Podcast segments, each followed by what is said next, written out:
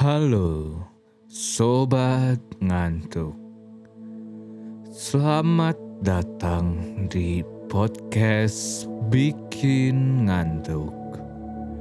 Tempat di mana kita bisa santai dan rileks sambil mendengar berbagai cerita yang diiringi lantunan musik yang membuat diri kita nyaman dan tenang,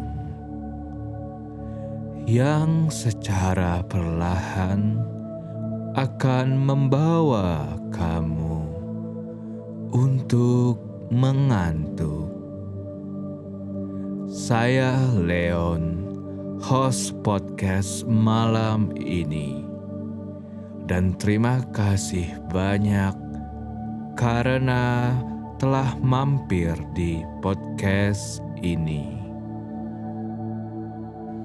Dalam episode ketiga ini, saya akan menceritakan kembali salah satu kisah dongeng tradisional yang sangat terkenal dari tanah air kita, Indonesia, tepatnya dari kota Bandung.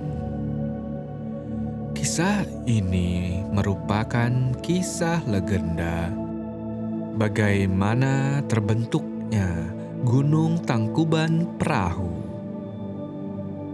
Kisah ini menceritakan tentang seorang pemuda bernama Sangkuriang yang jatuh cinta kepada ibunya sendiri. Kisah ini dipenuhi dengan petualangan yang mistis dan menakjubkan, serta menyampaikan pesan tentang kejujuran hati dan jangan gegabah dalam bertindak. Sebelum kita mulai kisah pada malam ini, saya mau mengajak sobat ngantuk meluangkan waktu sejenak untuk pejamkan mata. Alihkan pikiran, lalu imajinasikan bahwa sobat ngantuk sedang berkemping di depan api unggun di tengah hutan di atas bukit, sambil disinari bintang-bintang di langit dan rembulan. Bayangkan bahwa sobat ngantuk duduk di kursi lipat untuk camping sambil menyelonjorkan kaki dan merilekskan tubuh. Rasakan kehangatan api unggun, seraya mendengarkan percikan-percikan api. Pada saat yang sama, cobalah pandangi bintang-bintang di langit. Rasakan ketenangan saat ini menghampirimu. Rasakan kedamaian dalam menyadari betapa agungnya dan besarnya alam semesta.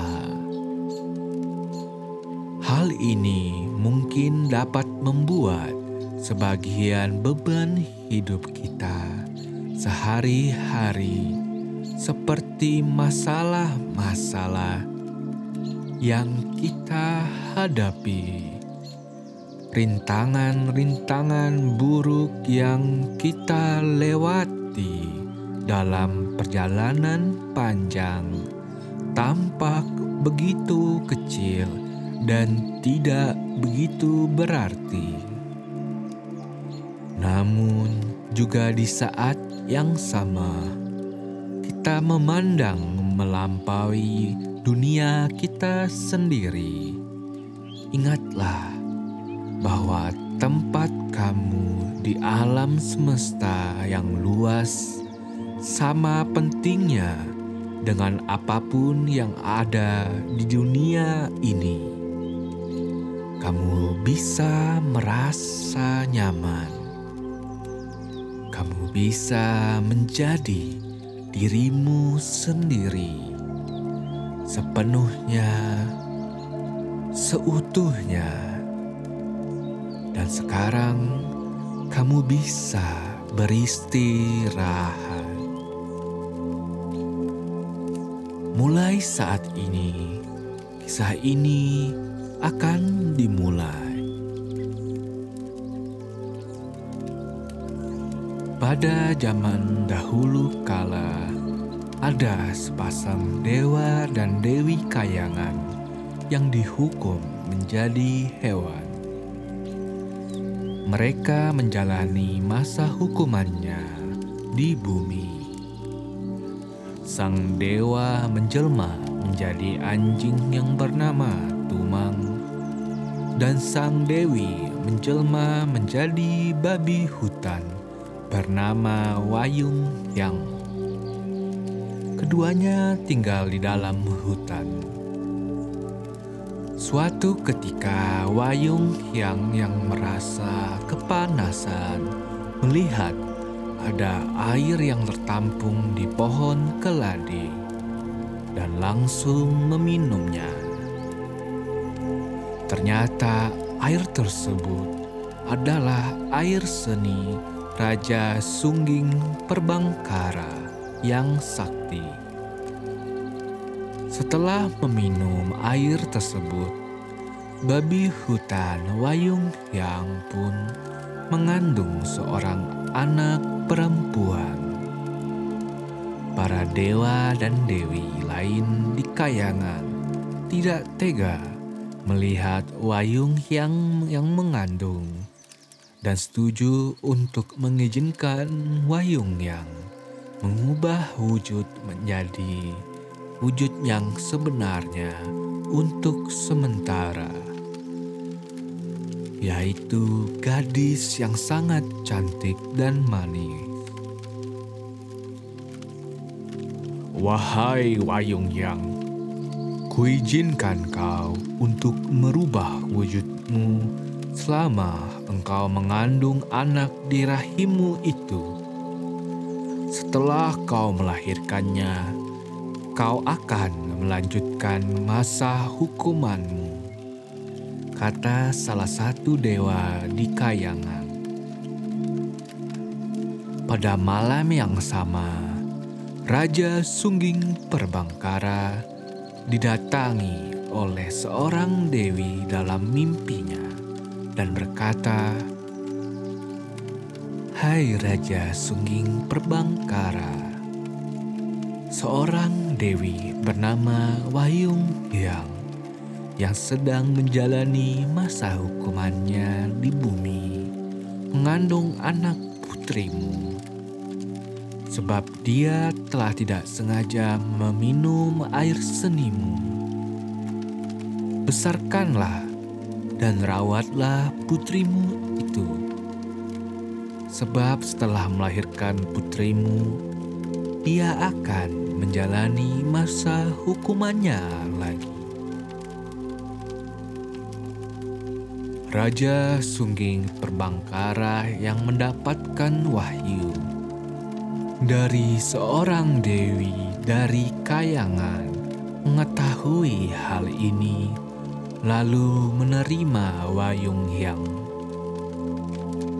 Dia merawat bayi tersebut dan membesarkannya di istana. Lalu ia menamainya Dayang Sumbi. Dayang Sumbi tumbuh menjadi gadis yang sangat cantik. Para raja, pangeran, dan juga bangsawan semuanya saling berperang memperebutkan Dayang Sumbi. Melihat kejadian tersebut, Dayang Sumbi meminta izin ayahnya untuk mengasingkan diri Demi kedamaian, Raja Sungging Perbangkara mengizinkan putrinya tinggal seorang diri di hutan, ditemani anjing bernama Tumang. Selama di pengasingan, Dayang Sumbi mengisi hari-harinya dengan menenun. Suatu hari saat sedang asik menenun, peralatannya ada yang terjatuh. Karena malas mengambilnya, Dayang Sumbi berkata, "Siapa yang mau mengambilkan alat pintalku? Jika itu perempuan, akan kujadikan saudara perempuanku. Jika laki-laki, akan kujadikan suamiku."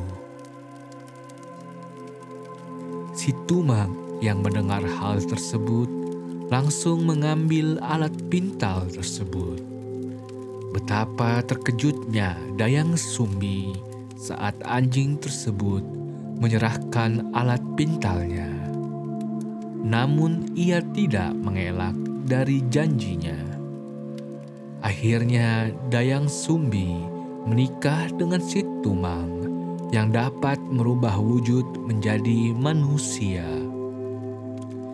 Beberapa tahun kemudian, mereka dikaruniai seorang anak laki-laki bernama Sangkuriang. Sama seperti kakeknya sang raja, Sangkuriang juga gemar berburu di hutan. Setiap kali berburu, ia selalu ditemani oleh Tumang. Sang Kuryang tidak pernah tahu bahwa Tumang adalah jelmaan dewa sekaligus ayahnya. Sang Kuryang hanya menganggap bahwa Tumang adalah anjing peliharaan biasa. Pada suatu hari, Sang Kuryang diminta ibunya untuk berburu kijang karena Dayang Sumbi ingin memakan hati kijang. Sang Kuryang pun pergi berburu bersama Tumang. Setelah lama menunggu dan tidak melihat satu ekor pun kijang, Sang Kuryang mulai patah semangat. Tidak lama kemudian, Sang Kuryang melihat seekor babi hutan dan segera meminta Tumang untuk mengejarnya. Tumang yang biasanya semangat saat itu tidak mau menuruti perkataan Sang Kuryang. Tumang mengenali babi hutan itu, yaitu Wahyu yang sendiri. Sang Kuryang pun menjadi marah kepada Tumang karena tidak mendengarkannya. Dasar anjing tidak penurut. Karenamu, aku bahkan tidak dapat hewan buruan itu. Untuk melampiaskan amarahnya, sang kuryang lalu membunuh Tumang, mengambil hatinya, dan membawanya kepada Dayang Sumbi. Sesampainya di rumah, sang kuryang berkata dan berbohong kepada ibunya. Ibu, ini hati kijang yang ibu idamkan. Terima kasih, Nak.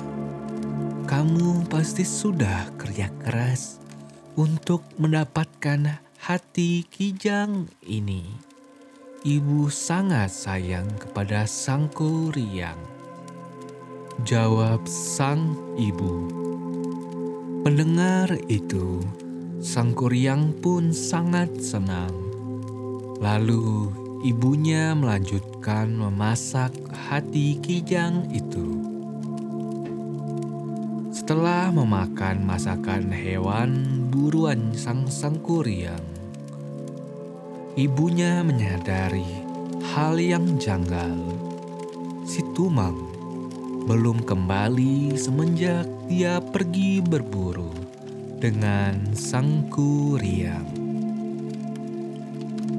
Sang kuriang, ke mana perginya si Tumang? Tanya Dayang Sumbi. Tadi dia ada di belakang kubu saat aku dalam perjalanan menuju rumah. Mungkin dia masih dalam hutan.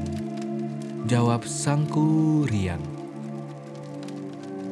Mendengar itu, ibunya sangat khawatir lalu pergi mencari-cari si Tumang sampai ke hutan tega melihat ibunya yang bersusah payah mencari si Tumang sampai larut malam di dalam hutan. Dia lalu mengajak ibunya untuk kembali ke rumah. Lalu sang kuryang pun akhirnya mengakui perbuatannya. Bu, aku mau mengaku tentang sesuatu. Hati yang ibu makan itu hatinya si Tumang. Kata sang kuriang sambil bergemetar. Dayang Sumbi yang sangat marah memukul kepala sang kuriang dengan sendok nasi hingga berdarah. Sang Kuryang pun menjadi marah dan sakit hati karena ibunya lebih menyayangi si Tumang dari dirinya. Lalu ia pun kabur dan mengembara sendiri.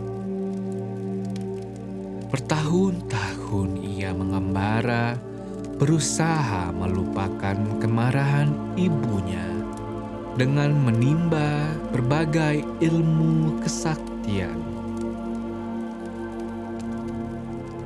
Setelah ditinggal sang kurian, Dayang Sumbi pergi betapa untuk memohon ampun kepada dewa atas kesalahannya.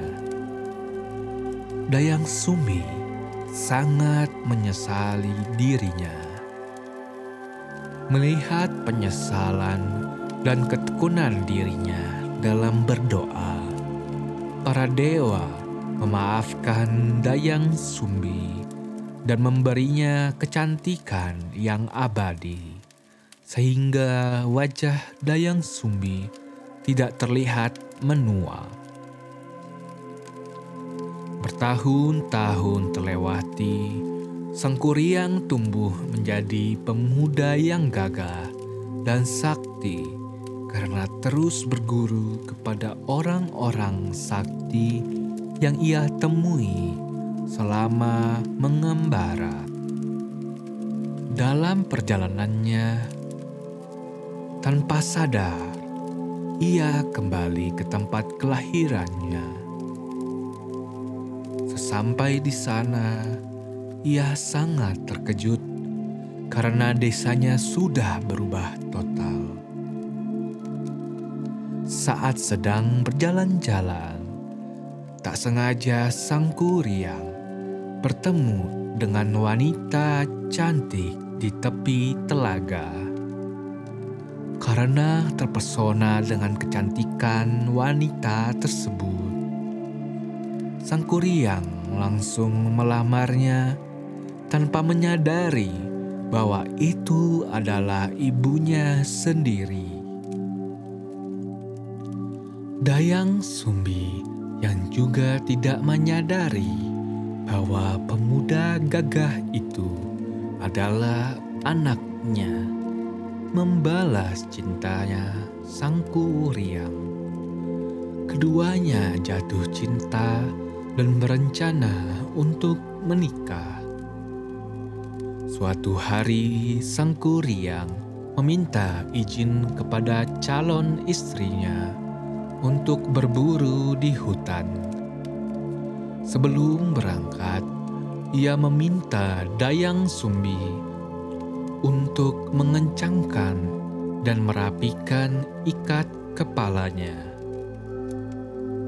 Alangkah terkejutnya Dayang Sumbi karena pada saat ia merapikan ikat kepala sang kuriang, ia melihat ada bekas luka. Ia mengenali bekas luka itu. Kakanda, mengapa ada bekas luka di kepalamu? Tanya Dayang Sumbi. Oh, Bekas luka ini aku dapatkan dari ibuku. Ia memukul kepalaku dengan sendok nasi. Jawab sang kuriang.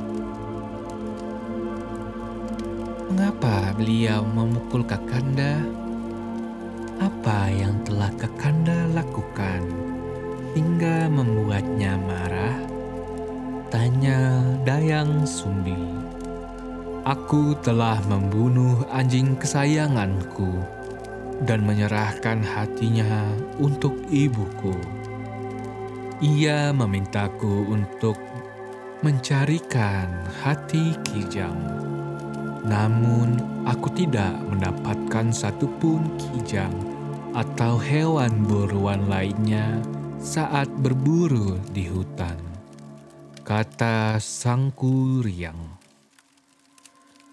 Mendengar jawaban tersebut, Dayang Sumbi semakin yakin kalau pemuda gagah tersebut adalah anaknya Sang Kuriang yang dulu telah pergi meninggalkan rumah. Adalah anakku dan aku ibumu. Tak mungkin kita menikah kata Dayang Sumbi. Sang Kuryang tidak percaya mendengar hal tersebut. Ia bersikukuh tetap ingin mengawini Dayang Sumbi karena sudah terlanjur jatuh cinta dan dibutakan oleh hawa nafsu. Melihat kegigihan sang kuriang, Dayang Sumbi akhirnya memberikan syarat pernikahan yang dianggap mustahil. Ia meminta sang kuriang membendung sungai Citarum dan membangun sebuah kapal yang sangat besar hanya dalam kurun waktu satu malam. Jika berhasil, barulah ia akan menikahi sang kuryang. Jika sang kuryang gagal memenuhi syarat tersebut, maka pernikahan itu akan dibatalkan. Sang Kuriang menyanggupi permintaan Dayang Sumbi. Dengan kesaktian yang telah ia pelajari selama mengembara, ia meminta ribuan makhluk halus seperti jin untuk membantunya bekerja. Sementara di sisi lain, Dayang Sumbi diam-diam mengintip hasil kerja dari sang kuriang. Betapa terkejutnya dia karena Dayang Sumbi melihat bahwa sang kuriang hampir menyelesaikan semua syarat yang ia berikan sebelum fajar. Lalu ia kembali berdoa kepada dewa, meminta pertolongan. Dayang Sumbi lalu menebarkan kain putih dan memaksa ayam jantan untuk berkokok. Makhluk-makhluk halus yang mengira hari sudah pagi meninggalkan pekerjaan mereka. Merasa sudah dicurangi, membuat sang kuryang marah besar. Sang kuryang pun menendang kapal besar yang sudah dibuatnya, sehingga jatuh tertelungkup. Kapal besar ini kemudian dengan ajaib berubah menjadi sebuah gunung yang kita kenal sekarang dengan nama Tangkuban Perahu, yang berarti perahu yang tertelungkup. Karena takut akan kemarahan sang kuryang, Dayang Sumbi terus berlari dan akhirnya menghilang di Gunung Putri. Sang kuryang yang tidak berhasil menemukan Dayang Sumbi akhirnya menghilang ke alam gaib. Demikianlah kisah sang sang kuryang yang menciptakan gunung Tangkuban Perahu karena gagal membuat kapal besar yang menjadi persyaratan pernikahannya dengan ibunya.